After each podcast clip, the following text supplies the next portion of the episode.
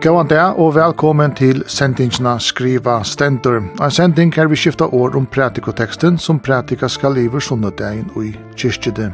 Verster er vi bægen Karis Selstein og Armkar Arke.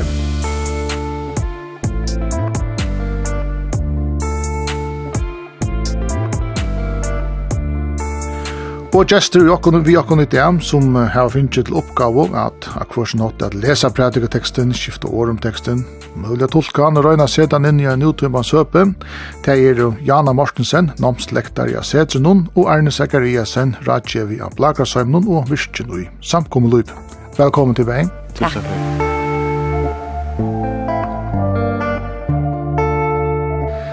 Arne, om vi holdt stort teka teksten, hva heldur du om dagsens tekst? Skal se noen utskrifter. Ja, jeg husker at jeg heldur hessen teksten er teker faktisk på en rettelig elegant måte saman om alla karrieren er kjes på en måte. Hette er så løs som man byrja sin tjeneste i Lukas evangeliet. Og vi sucha beina at han at han renner sig tropløkar vi fjøltene at det er et, hva skal man kalla det, en mixed response, altså, som er glad, og når er ikke så glad til blua og han uh, er om at dodge verga, uh, men han vil bjergar, tøyen er ikke kom den men hon kommer. Jana, hva er hoksa du i utskriftsform om teksten? Ja, i utskriftsform, altså, da jeg bare leste i jøkken første ferien, så var det faktisk heien nære omdraner, omdraner, om man sier. Altså, for det første så får jeg omdraner, hvor svære Jesus så løs atter, han var spurt om han er sånn Josefs, Ehm um, han han begynner ta så om till att profeter ytla lutter i egna och och och så vad gör det? Och så händer ett holakskifte. Kvui händer det holakskifte. Kvui blir folk så provokera i att som man säger. Eh och ösna det kommer holakskifte ta det upp. Det är att han son Josefs etla kommer det tog han svära så att det är inte gröt för mig. Og så til søgnasta, til da han var ført ut ur boinon, uh, til å være støtter åman, til at, at, at takk løyvi av honom, ta feran, han kommer helt der ut til, og så feran jøgnen uh, mann og og ta, ta, ta kom i beina hukk som, ok, hatt er egentlig også nekka som man kan gjøre sykest, til at du kan velja til fire, ødlen til trusjen og tørst utfra, eller agensjer utfra, ut fire fra øren. Så ta huksa, ok, jeg, jeg får huksa til en, en, en psykisk uh, hending, mer enn en fysisk hending. Mm. Og i det er vi så vi fyrsta sundag i advent, det er ånder tekstarø, og teksten er ur Lukkans evangelion, kapittel 4, ørndene 16 til 30.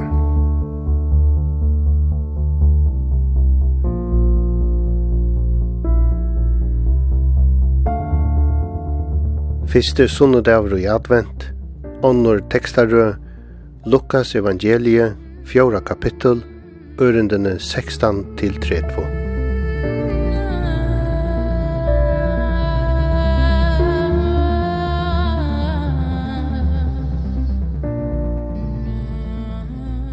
Og han kom til Nazaret her som han var vaksen opp, og han får som sier hans herra vær, kvile dagen inn i samkommehuset, og han reiste seg opp av lesa fire. Og bog Jesaja profets vær hon om finchen, og ta i han åpna i bogena fann han nir at hans dagen her som skriva stå. Ante herrans er ive mer av tog at han hever salva med til a bera fatakon gleibog Sett hever han meg ut til a boa fengon fralse og blindun sjån, til a sleppa neistødun leisun, til a kundgjera eit herrans nai år.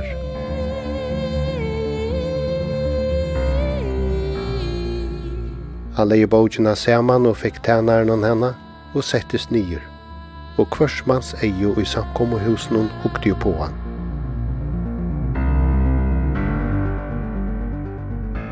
men han tog under at tala til dara. Og i det er hetta skriftåret gingi ut fyrir øyron tikkara.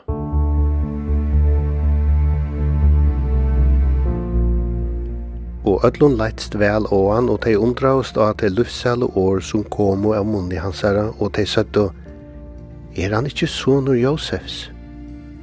Og han sier vitt dei Au Iva munno tid færre å sia vimmi hette åratætje. Lakne lek sjálvan te. Gjer eisen i her i heimbygd tøyne så stor verk som vi tava fratt av vera hend i Kapernaum. Og enn meira sier han, Sanneliga sige etikkun, Ongen profeter er vel kjentur i sunnun egna fosterlandet.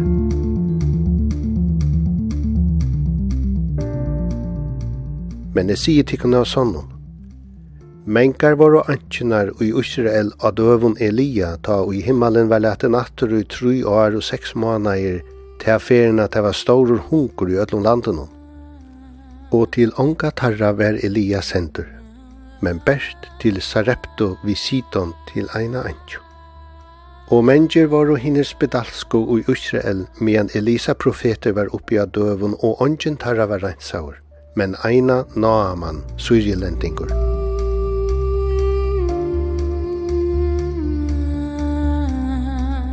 og öll i samkommu husnu var full av reie ta i dei hård og hetta, og dei reistust og kordan av sted ut ur bygdene, og for å vi og noen ytsta røyina at i noen som bygd tarra var bygd av, er inte honom åman her.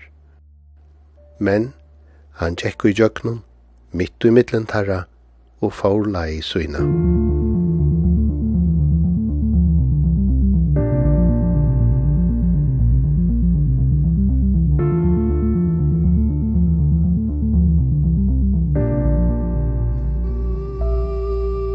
Vi tar vårt pratikoteksten til fyrsta sunnudet og i advent. Og Armgar, ja, nå byrjar adventstøyen. Hva er det her for en tøy som byrjar nå? Ja, og i åren advent, advent og stående betyr at man bøyer etter at Herren skal komme, at det skal bli jól. Og det gamla var i førjen at åren, det store vasseldean og åren postkjølen, så har man første, og man har et jola første i førjen fyr. Tøy er det opprunalige adventskanser har ofte en lilla farvebånd til det er tekjen om sorg. Men på en vi hes ner adventen till till att man ska gå om hur man är som människa. Man ska faktiskt rannsaka sig själva. Är jag rätta lejdlig? Är jag inte kvar? Är er min vid? Hur är jag mot min nästa? Så är det.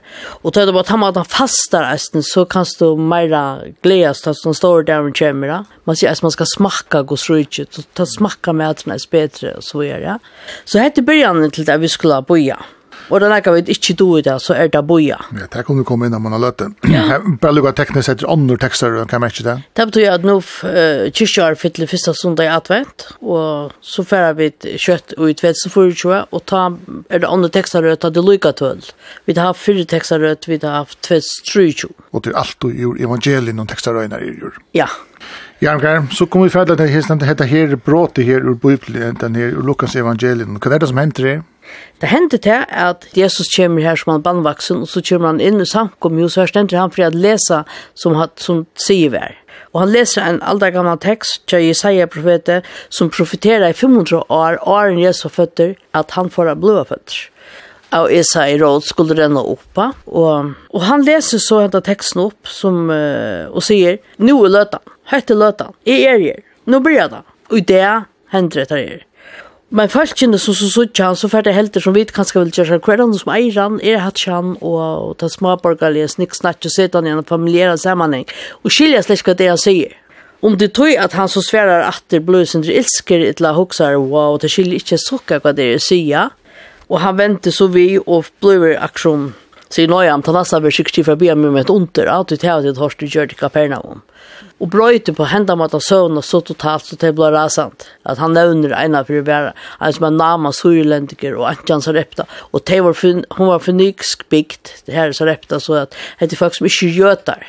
Så det är en samband det er det alltså det var allt andra folk. Jag hade nog då sånt lötande men det hade jag så döm om andre som som jag kom så bra nämnt.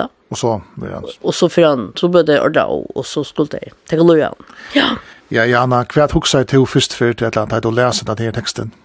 Ja, altså jeg måtte lese den rettelig ofta, um, eller til Gjørdige, og jeg har lese den faktisk i hver skjønneste tvervikene egentlig, og ikke tukt, tukt og pata og så videre. Ja. Hva er det er, og, og om, läsa om den teksten også, Um, og jeg kom nok så ofta er jeg kom til å huksa om miskunnsamma Samarie-byggvann ta, i, i, samband vi heter hera. Og det var nekka som to oss en sier her på att vi kvätter man skal, man skal uh, huxa om kvar vir här vi og hver, hver er min naste og så vad er, ja. Og det er nok en av de tingene som som Jesus pilkar vi. Ta i han nevner, nevner hese folk som ikke er og gjøter som får hjelp, som som god senter, eh, hjelp til folk som ikke er jötare så det er Guds utvalgte folk, eller så er faktisk er brøyere enn bare det jødiske folket. Och tog jag alltid att det kom också ofta till hux om den samviske, samviske fotla Samaria bekvann. Eh, nettopp tog jag till her spørningene, för er egentligen min naste? Och det har vi så, ja, det har du en av de tingene Mhm. Mm. Arne, hva er det husker du til å lese teksten? Ja, altså, jeg husker at dette er så som Lukas Louise Byrjan av Jesser Tamas, at dette er Lukas, nu trakker han det tog sitt verska. Man fram og undan i kapitlet og leser om sjøen det er Jesu ble fødder, og i stedet han hentet ikke han var 12 år gammel av tempelen, så ble han døpter, og man hører en tvørst dikvann kjem nyer, og en rødd av himmelen om her som god sier hette sånn min, og så stendet at han ble frøst av i mørsene, Og nu er han klar å börja sina tjänst. Og han som Armgar sier, han han för bojna vi en etter noen äldre gamle Chelton som vi vi har några förväntningar som gjør der til at en messias skal komme. Og det er faktisk det sier han bojna vi. Så han legger hastigt ut på en måte og han fær eisne uh, hars respons på meg. Det stender at jeg som uh, undraust av livshell og årene. Altså det er å si at jeg er veldig glad for det. Og sier, wow, ok, og vi da er sin hørste masse runder og sånt. Men så er det ånder som sier, ja, men er det ikke Jeg heter Sean Josef, vi, vi kjenner vel familien av Sean. Jeg vil si, det stender en ærestande i Johannes evangelie, at anker, ta, anker høyre om Jesus, at vi kommer til spyrir torst kan ikke godt komme ur Nazaret, aksjon. Til å være, jeg leser angstande, til bare øyna for meg høyre om Nazaret, anna enn i evangelion, og i alle jærskriologien det var ju en otrolig lojt alltså tutningar läsbik där. Jag också är det kanske man kunde sagt kan Kristus kommer kolla för det la.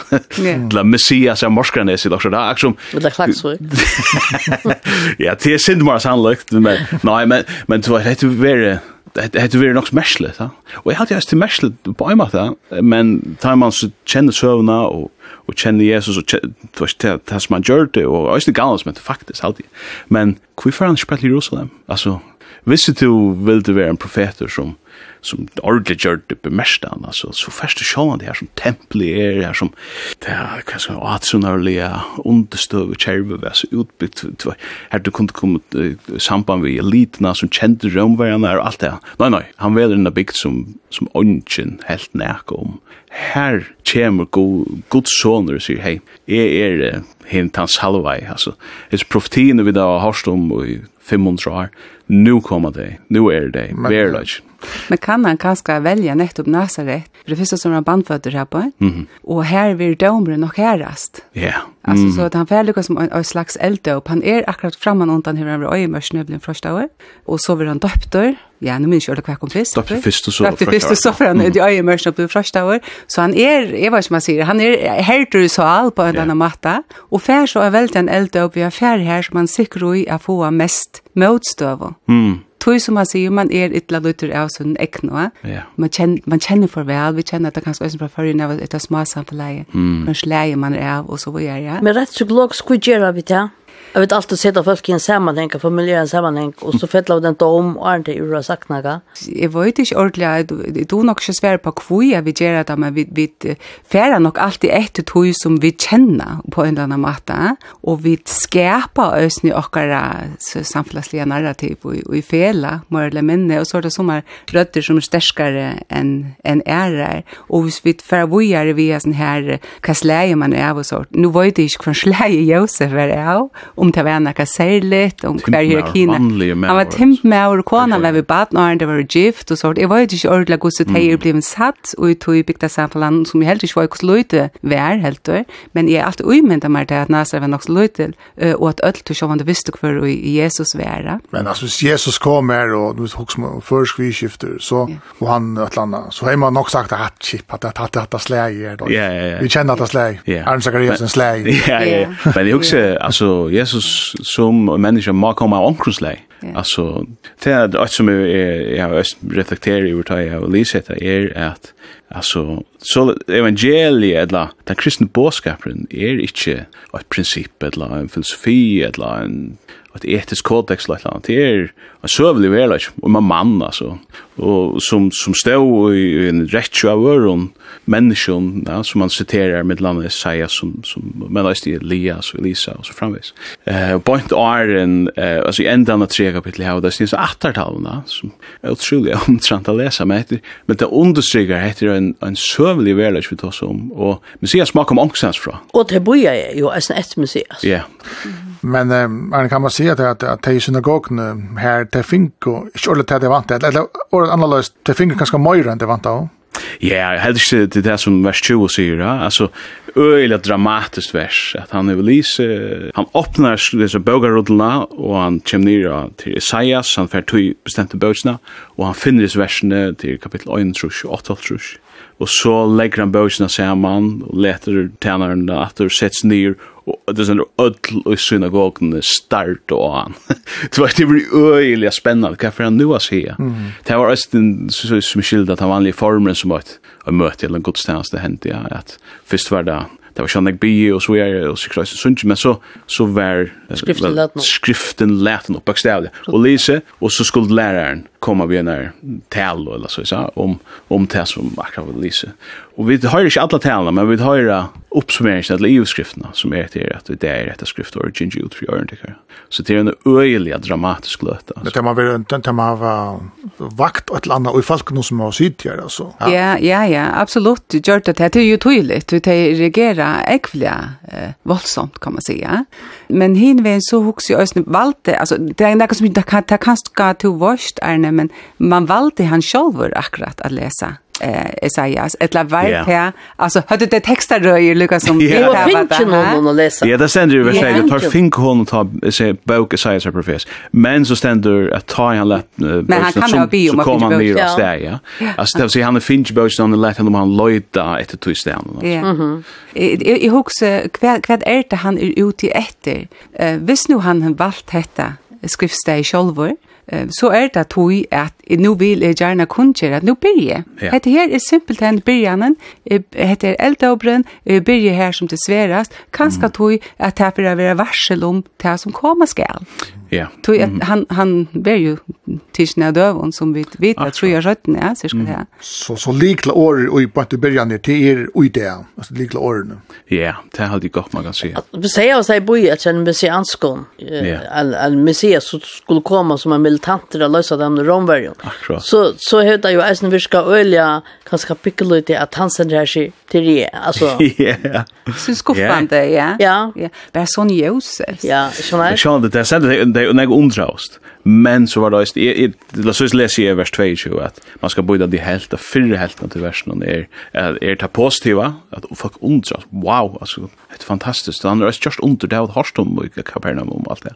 Men så annars sier, ah, son Josef, det kan inte pass kom, her, Nazaret.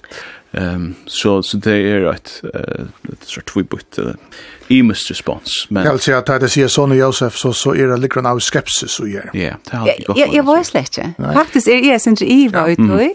Det här är snett att jag undrar så center min undrar Lucas som börjar här på man är Lucas som ett förmon här att lyckliga och så plötsligt så så är det inte mer så blir det illa eller det är tacksam eller vad det är så och alltså akkurat som att jag vill inte att det kunde läsa upp den här texten. Det var ju inte ordentligt för att man missar men men det är så det Det er ødeløst vel og han, og det er undrast at det er luselle år som kommer munn og hans her, og det er søtten. Altså, det er lukket som sagt, og samme sett er, er han ikke sånn i Josefs. Og man kan godt være ordentlig glad over fire, hvis jeg har kjent til dømmes armgær, og møte døtrene, og, og, og så tar kongren i ordentlig vel. Å, det er fantastisk, det. Og det er bare ikke om det til. Så det er kanskje ikke skeptisk, men det er kanskje det er åten, kanskje det imponerer deg, det är undrast, og wow. Altså, han är sånn i Josef, och han klarer... Vattnet, det er vattnet, det er vattnet, det er vattnet, det er ja, man ska man ska tolka bibeln bøyblene, jøsne bøyblene, jøsne bøyblene. Hvis vi ikke etter Marskos 6, så så läser de som händing bara lust ösen service så här ständer att att han han är Lise här i synagogne och många har då han var det slina undran så att den kvene hever han hetta kvärt är det för vusta om i hon i given och sluga krafta Jerry Jordan vara vi bonden så är det inte träsmyr sonen Maria och inte Jakob och är det inte Jakob Joses Judas och Simon bror han så är det systrarna så här i så tog det så ilt av hon alltså Okay. Det vill säga vi det heter samma händing vi nu får det synd nu var det så mycket synd mer nå respons tja folk nå, va. Att at kvæð kvør altså kussu kan hesen her mauren so við har kjent frá dem var lutil kan man seg henda myndløgan? As tær við bara ikki við på men tær er nokk ekstra at koma at ja ja sidan där við maur eller eller sonor grannan latlan kemur sig an det utvalde gods alltså så har man nästan sagt för psykiatrin och och ju ja ja han är med snare med snär på när vi ja ja ja men lugga väl du du nämnde det här vi vi boja alltså till sig te boja vi är ett messias der inne i æren til Jesu den frelseren som skulle komme. Ja, og det som så tar helsen skepsisen til Taimon, gjør så at Det är det det det får sig svika det han säger. Ja, men det heter inte han frälsaren som det vanta gem. Nej, här här vanta det kommer Josef. Akkurat. Det skulle komma militanter och en kvinna gängare och som fick romerna att kvarva och så vidare. Mm. Det är just att jävla skuffan så tajmna stant där. Sjovande. Och alltså något så fräckt alltså visst hej uppleva det nu Ja, takk for at du viser at her. Men jeg husker hvis det er noe, altså det at boje etter Messias er jo en stor hending som binder alt folk til sammen, kan man si. Ja? Mm, mm. Og en så kommer her og så er lærer sin til platt og på det stedet. Det er, så skiler man vel at folk blir stort och och, och föla sig vid ett laterskörtan och så på gör ja så tjuta gå om en man blir ordligt. Mhm. Men också det han han ser det bara också starkt han ser han säger inte helt det alltså i där. Ja. Är bröding kan så. Han då tar vi brukt något sånt alltså och i där tycker när frälsare fötter eller Jesus Sivus Zacchaeus och i där ska det vara gesture to news eller Jesus till ransman och i där kommer till vi Mary paradise alltså. Alltså or or i där alltså vi har brukt något så starkt och alltså vad ska man säga stärfesta. Ja og ting. Att som jag också sier syndrom, jag er sånn at tyst å si, det är vi hva for forvantninger folk hadde, at folk kunne følt sin støttende blokkeringen av at nu kommer bare innlander, timpmauer og Men hvis man leser Jack Gansman, det er jo ikke løm som hvis man leser første Mosbøk, så er det veldig, veldig ofte lytle bodgen, og ikke større bodgen, som vi brukte fer at man fer, er det han som er rødt som skuld være, han som arver, og tog i, han er ikke gøy, det er god vel, så helter, eh lilla bara ella David ta han tvås det är nog så komiska scener att profeten kommer och tvås voice med alla scener each other och han så finner att det är bäst och och det anställda kan bruka så är det när annars så ja ja ja. Det han inte han han vanliga. Det så han är ute i marschen i tunchen gånger roban. bara det är han så god utvälare så så Jesus han han han kanske se the det boiler men men viktigt det är ju att at heter ikkje avkjent, at god lukka som undergrever forvantningar som folk har. Na, og vi vil jo alltid uh, sjåta etter du som er meter og storer og oratorer mm. og alt det her. Yeah. Hver, hver utskriften er det alltid han, det er underdog nesten, han som ikke formåa seg. Det kan være at det tog jeg Jesus gjør nekka besjur vi ser antjene ur naman, eller ser at, at det ikke er det. For det første er det ikke gjøter, men så er det folk som kanskje er ekvile la og i hierarkinen, og han ser. 100%. At, at han yeah. tekur fram, lukka som fyrir, at understryka det. Nettopp et her vi i det, Kare, jeg har faktisk også hukse om i forhold til et vi, at dette vi tøyene på en eller annen måte, tøy at han sier, jeg skal kun kjøre til at herrens nøyår, og hvis jeg har skilt rett, så var det cirka holdt trusjen dag forstå er ikke, at det var et nøyår her, og penger ble latten leiser, og så videre. Sjåvande, et nøyår var snakla djøblen, du sjøen, men det kan være herre sjåvande.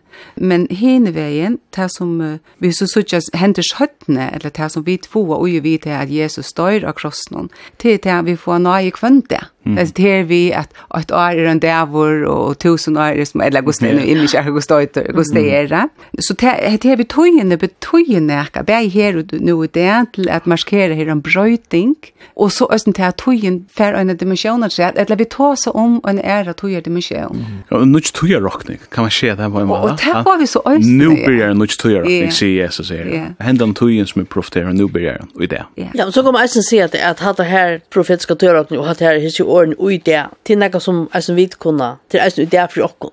Ja, vi lever ui tui tui. Vi lever ui tui tui. Nei, ja, ja. Hvis man lukkar som ser bort fra kjeltsen om det, han sier det, men han sier ui det blir nukt tui. Hva er det for tui som blir erne? Ja, jeg husker at han, som det sender, er at han har salva med kunnskjer av fatukne evangeliet. Til nu er det, nu ræver evangeliet for borgon. Men til å si, altså, det jeg har sitt reflekteret om at det, så halde man skal lesa det lukkar som i tvojum, døvun, at vi hava, ja ja, så, som vi tås om etter vi til hjertabrotten nå, som vera grødd, eller trøsteg, fengar, så slipper fruir, og det blindt for sjøen. Jeg mener, Jesus, han, han sette ganske snakka fengar fruir bøgnløys, men han grødde folk hos fruir, så vi er. Så vi kom tås om akkurat sindir, hos jeg, som, som vera fyri kjivnar, tar vi koma til Jesus, og han grøyr okkon, eh, som Messias, Guds Messias. Men òsne sindin, hos jeg, at det er men Bibelen tosar om det som en, en meie, eller en sånn kraft, eller som affær fra deg at liv, sier Jesus, en nærestande, eller at det er en sjuka som vi da bruk for å være grøtt det. Så at, altså Jesus kommer, og han sier, du vet, er det han salvaje, er det han utvalgte av gode, og jeg kommer nå, og jeg offrer meg sjåan det er ikke ui her, hjemme til at jeg halte teksten legger alvorlig legger opp til det. At jeg djever mot løy for tikkun så jeg kan fiksa grunnleggjande troblagan som ligger under ödlenes ned som er beid, vers til sjuko og hva skal man kalla det relationell troblagan er det her som, som vi er ombøyer av dem hjertabrotten og alt, alt han eur rattvisen som vi er ombøyer av dem som er og kua og fenga og så er alt det verur kanskje ikke endelig å fikse, men løsnen er her, hun er byrja. Og, og nøyer er herren som er tøyen som vi lever i nu. Ja, han er til samtidig at, at, at, at nå blir en annen tøy, at Jesus får fra, nå blir en kristen tøy, at helsen, her vi tog vært i sindra, miskunn sammen, samari byggen alt til at det fylgja noen forpliktelser vi som okker som kristen, til vi skulle helst hjelpa nu, nå skulle vi elska nasta okkar, hette den tøyen vi skulle leva som kristefolk. Ja, man kan si at akkurat hesten dævren her er byrjan til byrjan, eh, hukset den ultimativa byrjan, början är väl ta han døyr mm. uh, akkurat som tror jag ja. men uh, men til til till inte att Eva stod i och vi vet alltså allt nya testamentet handlar om i sig ærene som den neste kommande tror jag ærene ja och jag håller kanske ösn att vi vänder at till han där igen här att han vill att det vil så provokera ja tog at nu skulle det plutselig inkludera folk det kanskje ikke hadde hukse om ærene Altså, lett nok at få avlagt å være gode vid til man er gode vi eller semjas vi teg, man er samt vi. Men, men het, het, nu, nu, nu begynner man å krevja, han krever av tøymon, mm -hmm. øsne, eller av okkon øtlona, at vi rent faktisk skulle vise nasra kærlega, øsne til teg som okkon ikkje damer. Og fyrir djeva. Fyrirgeva, det ligger i nøyene, til alltid en, en fyrirgeving, og, eller, ja, til faktisk fyrirgeving som ligger i nøyene, og ødelbra fyrirgeving. Og så legger mest til at vi, vi rettvis, som er et øyne elastisk hotak, også, jeg. Um, men til å si nemlig at her, er nede til vi at alt dette øyrettvis, som nekva tøym som man sitter i fangslen noen, og så har vi utsett fyre. Det her at det øyva nek, i rokken vi er rettar system, hever nok svært skikt, ta i tøyne, men øyva hever øyne, anker gjørst okkur, som øyre straffast, så, så rattvise er kanskje ikke taberende til mer nøyen og i tog, og i nøy og æren. Og han sier at du, du har gjørst eller så, eh? så vil du øsne leis uh, given. Akkurat som rånsmæren. Ja, han går på en, ja. Mm, ja, som rånsmæren og krossen. Og, Vi vet ikke ordentlig hva det var gjørst. Kan man se det på den måten at, uh, at hvis nu vil det også om uh, at gjøre kua fru jag kunne gjøre nøy og herrens, um, eller kanske tesmer sett i fangsel, at det er i fangsel er rött då men yeah. nøye er herren sett det fri. Sett det fri. Eh, og det er en form av rettvis, altså nøye, men yeah. det er gøy tøyende for oss syndere, yeah. som er fengt av oss synd, at Sjalt om vi da oppe på i akkurat refsing, hvis man kan si det, og alle der trubla vi da var vaft okken eh, og annor vi okken på grunn av akkurat sint, så er nøye av herren, så som du sier, at det blir jeg vel sagt hans av krossen, at han, hva skal man si, jeg vet ikke det rette kallet det mekanismen som kan fyrtjeve okken akkurat synder alt det, men, men ta betale Jesus for akkurat synder akkurat krossen. Mm. Og vi, ja, vi kunne være kjept leis ur akkurat fengaskap. Men det har alt kjent att året nöje år. Tog att när jag kände att år var et nöje år kan man lade fänga slippe läsar og det hendte i mist och ta holdt trusjens tjugonde år kallar man for et jubelår. Og det kom etter at hövudsprästen tog blåst i så størst störst väckra hot det er et jubel og hebraisk og tog sig jag vid ett jubel.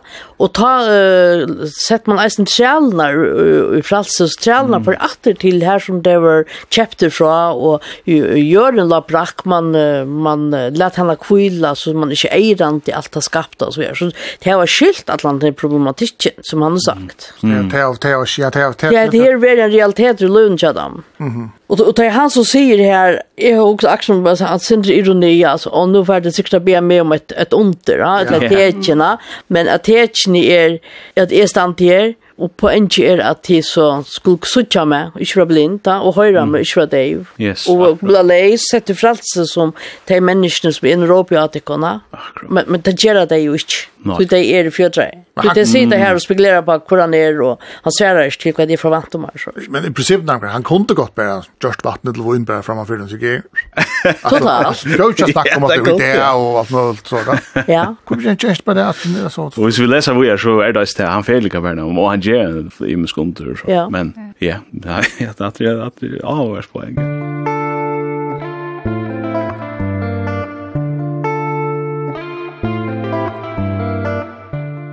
Du lortar etter sendingene skriva stenter, her vid omrøva pratikoteksten til sunnedagen. Han er ur Lukas evangelinon og snur seg om ta Jesus i synagogni og i heimbygdene Nazaret kunngjør at han er Messias, og og falskene og i løy gjerast for røy. Kjentaste åren i teksten er jo helst tese, Ongen profeter er velkjenter og i sunnun ekna, Fosserlandet. Gjester i sendingen i dag er Jana Mortensen og Arne Zakariasen.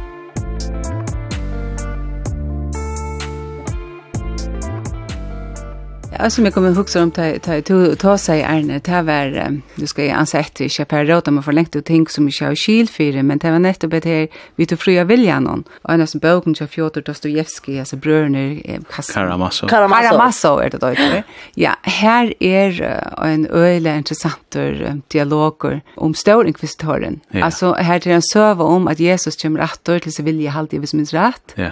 Och han vill sätta fångsel tog at han gjør sånn ikke euro. At kyrkjen er ikke størst følt noen, og ja, han kan gange rundt hvis vilja og gjør ondt og gjør sikkert vattelvåin og så videre. Um, men, og leke folk og så videre.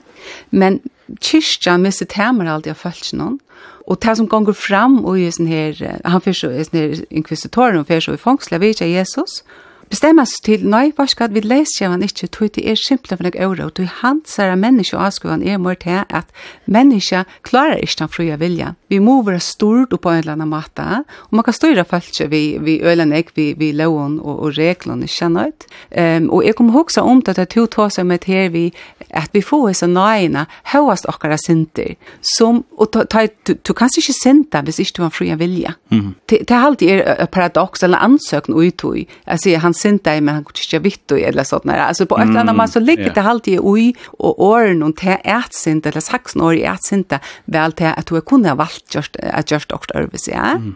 Och jag kom nämligen också om att det här öliga spännande det er en spennende bok og, og særlig gjør det gjorde det gjør det akkurat det her scenen eller det her textabråtet inntrykk av meg.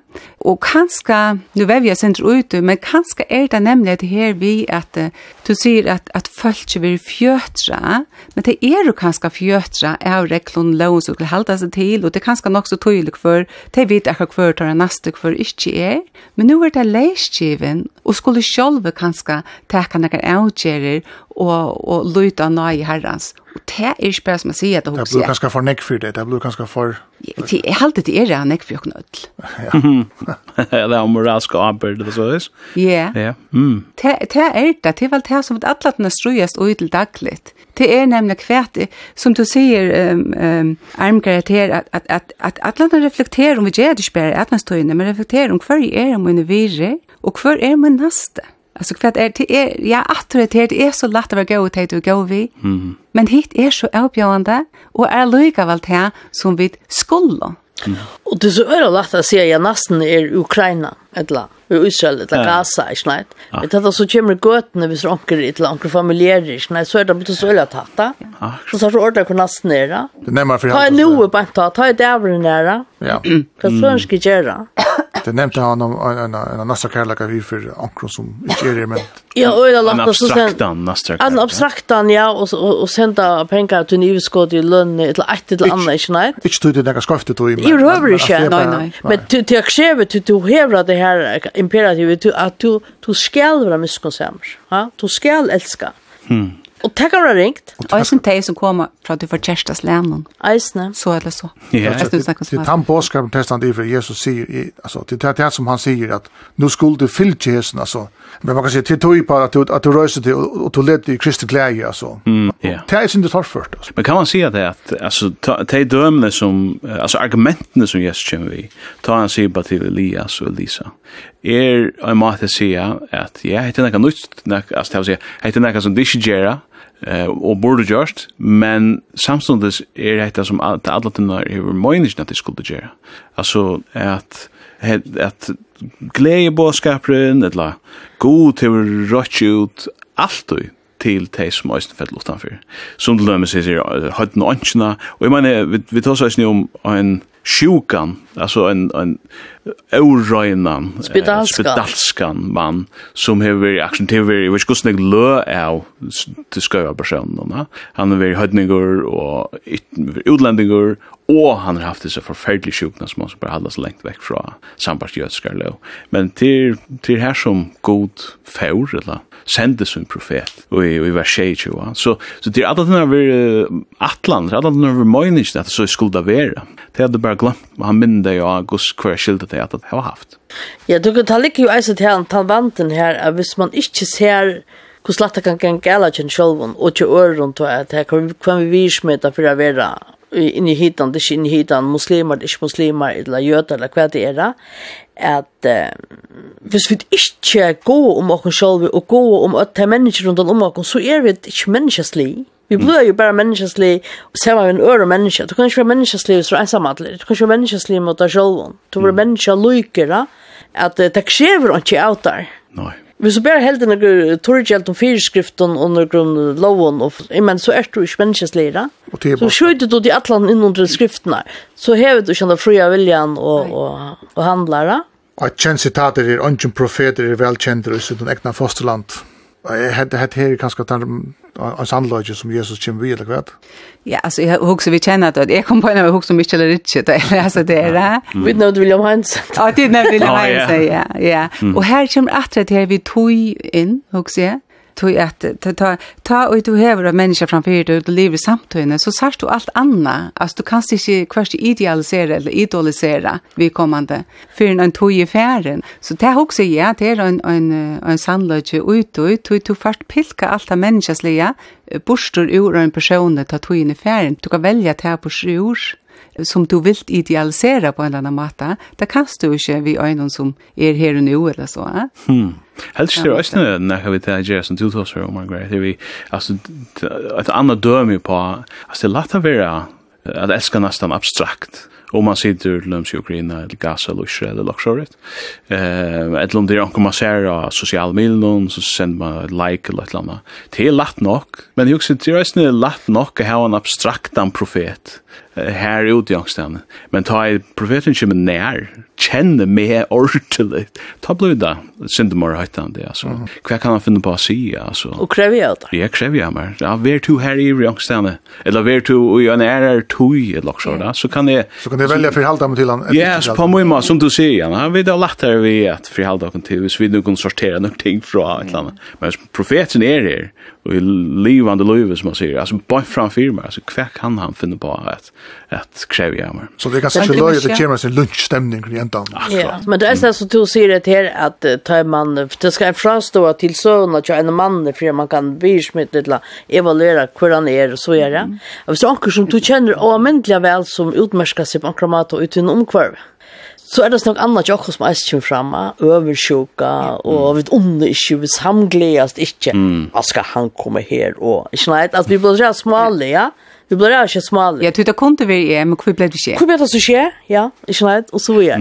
At det kommer bare noe, tog er det, vet jeg, at han kommer så tatt og så konfrontatorisk, at det kommer det menneskene i naturen kommer ordentlig spinn. no?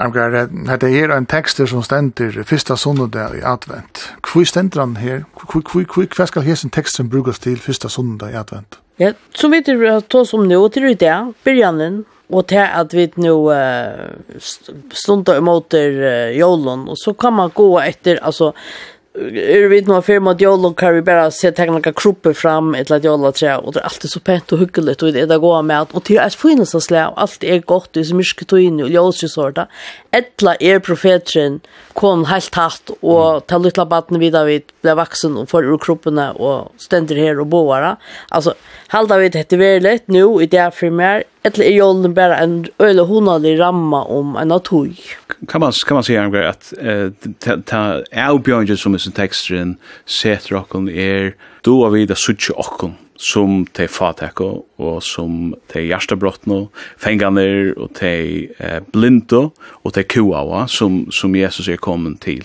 alltså vid är et fjötra som du säger men vid kunne inte hjälpa okken sjåen. och vid er jo bruk för att være mynt av det ikke bare hvor er jeg og hva stand for, men hvor var det nå at Jesus kom? Altså, hvor sendte Gud sin son til dere? Til at jeg vet er disse personene som har bruk for høyre om nøyar, nøyar herren, så. at han er kommet til dere. Da har vi det suttje akkurat akkurat her som løyglodene, eller eh som mottaker av sin er go to in the evangelion sånt det salva ju kommer att se. Du vart sen när du började ankar du säger att vi smakar Guds rike. Alltså alltså säger du det att vi i bottengrund 8 inte att kinje med alla frukoster allt möjligt hon har lite jolla men helt fasta och nåtet han gå och jolla dörren jolla afton Ja men vi betalar ju öron till bank till försöka för gänga till yoga eller för till spa eller för till att möjliga terapi för att finna oss själva sånt. Kanske är det stora som ska till. Men inte som man vi kvask kvask it season texten är om kan vi skulle bruka adventstøyna til. Nej, men man ska fyrräkas. Ja, man ska fyrräkas ju på att ha stora glädjesfesterna som man ser jolen nere kan man säga att uh, att glädjen ger bara mening och ljusen av sorgen i omkring. Alltså, det gör det väl. Ja, alltså det att vara mätt av er tillsvärande sagt ta man är hungrig. Alltså. Eh, och om vi fastar lite, alltså, jag ska göra frukost nästa vecka. Uppdrag, hej, jag men... men ja, jag spår inte om du ska men, sitta vid torra munnen. Jo, du kan helst inte sitta som en så falskt apparat och spela skinhelger till en jolla våra. ja akkurat. Man ska njóta løyve og vera glæver og er alt gå av man fjær men men jeg mener til dømes tada vi jól og man hugsar om folk som fyrir at halda jól og herbergun etla bjóa mm. nekken folk inn hvordan nekka gjørst det? Mm? att han det som man gör alltså det rör några ärpjongar ut i december. Ja, men det brukar som Janne så sätter så ser en text in ut det hopp som ständer då. Att ändå så första första söndag det att kus kus helt hur så att man står in kan se han kommer kan vi skulle bruka att man till. Ja, alltså i ötlen för det som han säger, alltså Jesus säger då just ner är det han som kommer skall. Og det viser så øsne for Jakob som er kristen, at, at det er så løs. Så det er på en eller annen måte at om stammen, vi herrens kommer, vi, vi, vi boja, og, og, og, og, og her vi at vi, att han han ser ut det hände det nu har börjat något nytt tror jag så att det händer så ösn kan nu börja det ordentligt eller så vidare och vid boja så och alltså gör det och boja stad måste museet vid boja det herre eller till museet som rattor då Mm. Så det är väl ett eller annat vi att vi vid boja efter Herrens komo och så gleder vi dock om till att han kom ta igen blev fötter. Ja, så jag kom vara en kulissa. Mhm. En öla hon hade kulissa bara kom mitt kransar jolla kalendar. Jo, och jag och allt. Det är fantastiska del till elstjol, men så kan det även vara att att att man inte spelar till drama i vi att jag spelat nu först och man vet han blir en framöver och han hur ett största gammalt så kan det även ha dubblant utnyttjande. Mm. Jag också att det är en mysterious text någon alltså så är som han säger ägna bygda folk sikkert vi er sistna den eller du vet det, det enda vi at jeg vil du drepa han. Det er vel sagt hans øsne, det sier nek om synden og i øynekvarn menneska, at ta er vi møta hinnom salvaja, Messias, Kristus og Sjøen, Guds sine, er det et myskur som kommer opp. Du skal jo ikke komme her og halda til å kunne si nekka som helst. Er det røyere blekka ditt av her, altså. At det er parser av søvnet, som en øyelig avgjørende parser av det. Og her husker jeg nemlig et akkurat det her som slår meg å begynne vidt, jeg leste første ferie, her, her er lukket som lest inn kanskje en sånn psykisk kontekst, eller mental kontekst, to vi det er for øyne kan avgjeng, og omkring du bare inn i øyne kan tanken. Mm. Altså hvis vi tar opp et hammatene, at vi begynner å ruminere og huske alle mulige tanker, og så vi er her forventninger til oss selv, og vi halte at ånder halte alt mulig om oss, ikke minst kanskje i en lutten samfunn. Um, så våne ligger ut i at Jesus forbereder seg mannegongene, mange, mange natter. Han, han bara. Han røste seg opp, eller no, jeg testet han ikke, han røste seg opp. Han, det han tjekk bare og tjekk manna mikvene, mm. som ville kjoen og støyte han nyer og, og og takke løyve av han ultimativt. Men her kunne vi så også alltid han vågne ligger ute at høyest vi, vi berges vi akkurat ekne domaner, så kunne vi faktisk snakke anna. Mm. Vi kunne også bare, ikke bare, men vi kunne også enka i tjøkkenen, takka meldre. Og et som jeg husker til vi tog som akkurat det seg verset er at de ville ha et under, og de finko et under. Det er at at Jesus bara vänster vi check mitt i middel. Det fink det stå her pura lamsli, you know. Hvor kan gjøre det utan, utan god soner? Det så et under, det fink det, det vil det men ikke på den maten som det vil det ha det, altså. Hvis vi skulle um, lukke oss iverfor teksten til det ene det, hva kan vi bruke den til så så det. Ja, jag hade allt det vi advent är en det är en go amening alltså. Jag sitter här som baptist vi hooks inte såna kom advent. Jag regnar för det in the picklet center gånger show. Nej, men det vi all tack kristna kalendern det är något som tar mera hot chishlit så att sjön då så det bättre än än vi mera light chishlit eller kan man ska säga. Men jag hade det att Julia virus mycket är reflektera. Ja, kvar är det hända manna mig kvann omboar eh, synden og i mer som sier ta og i messias den her som ville drepa han til øyelet. Det bor i øyne for en menneske halte jeg bor lærer. Samståndet så er det ikke bare jeg som stand i her ønsamhandler i munnen myskere, men messias den i firmer. Det kan være reende. Ja, jeg kan, jeg har jo hva renna skrutjande borser, eller leiba, altså fight or flight eller et eller annet, men, mm. men uh, han stender her, og han er kommet at kjera kua fru, jeg sier, til fengarleiser, og jeg er den kua, til jeg som er den blinde som skal sutja, og til jeg som er fengst, som Jesus er kommet at jeg setter frals. Kjell du, Janna? Ja, jeg kan godt være samt ut tog, og hvis vi teker, eller det er samt men, men hvis, hvis man så teker et, et perspektiv her, man, man ser fra seg selv ut, så husker jeg nemlig at vi som vi tever til oss om, nemlig, at det er nasta kærlega, Hvor, hvor, hvor er man nasta, og det at, at jeg får nøye, oj så är det inte det kan visa nej. Akkurat. Så det är alltid kanske är det här som ständer kanske stärkast efter som som näka som som alla som alltid för att att det vara tuttningar med till alla tojer och ösne och ute vi suttje nu sjå nu fyrst var det Ukraina og så det Gaza krutje men det här pyrig alt allt alla samla tøyna og det er sjölen jag är så igen så hade vi dessa här syrie konflikterna eh, som køyr enn men vi tar och fink det som kallar fyrir eh, flyktingar krepperna i allt at vi 16 16 og og och te är på inte eh og ta minns det godt sjølv at är det man man bäst på bordera vi öll mövlen i misku sövn där som vi nu i Gaza konflikten i det. Och det var trubbel det som shit jag nu kan man jag vet halt jag egentligen vet ju halt ju man man snärk att ju vet faktiskt inte och så sa jag en picklet legend och det är väl Danmark och sanna picklet legend och när såna perong och hon grät så ytla eller det var smart drunk faktiskt och en liten jenta var ösn och och ett par var ösn ja.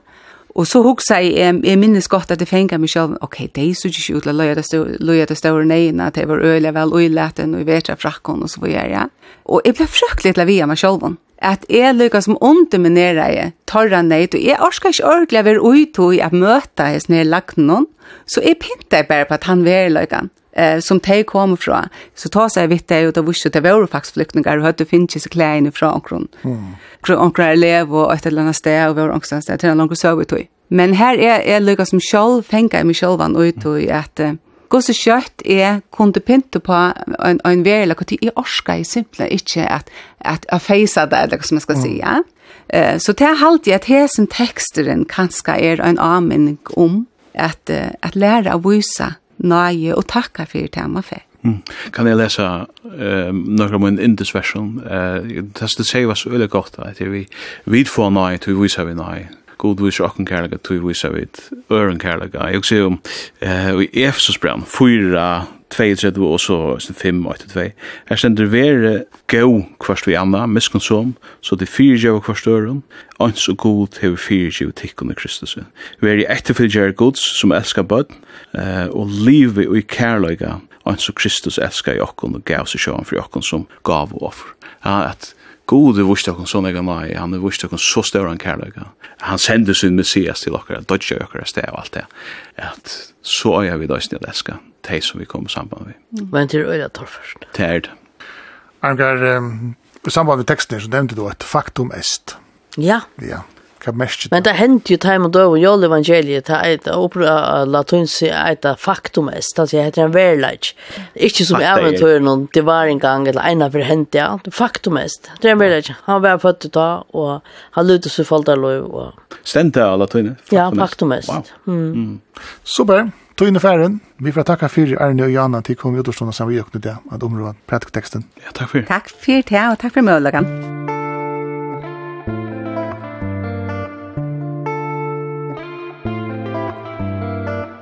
Hetta var sendingin Skriva Stenter, gestur veru Jana Mortensen, noms lektar i Asedzenun, og Arne Zakariasen vitjere og virkjen og i samkomme. Kari Solstein og Armgar Arkula du sendingina til Rattes. Skriva Stenter vir atter om um eina vika. Farvel.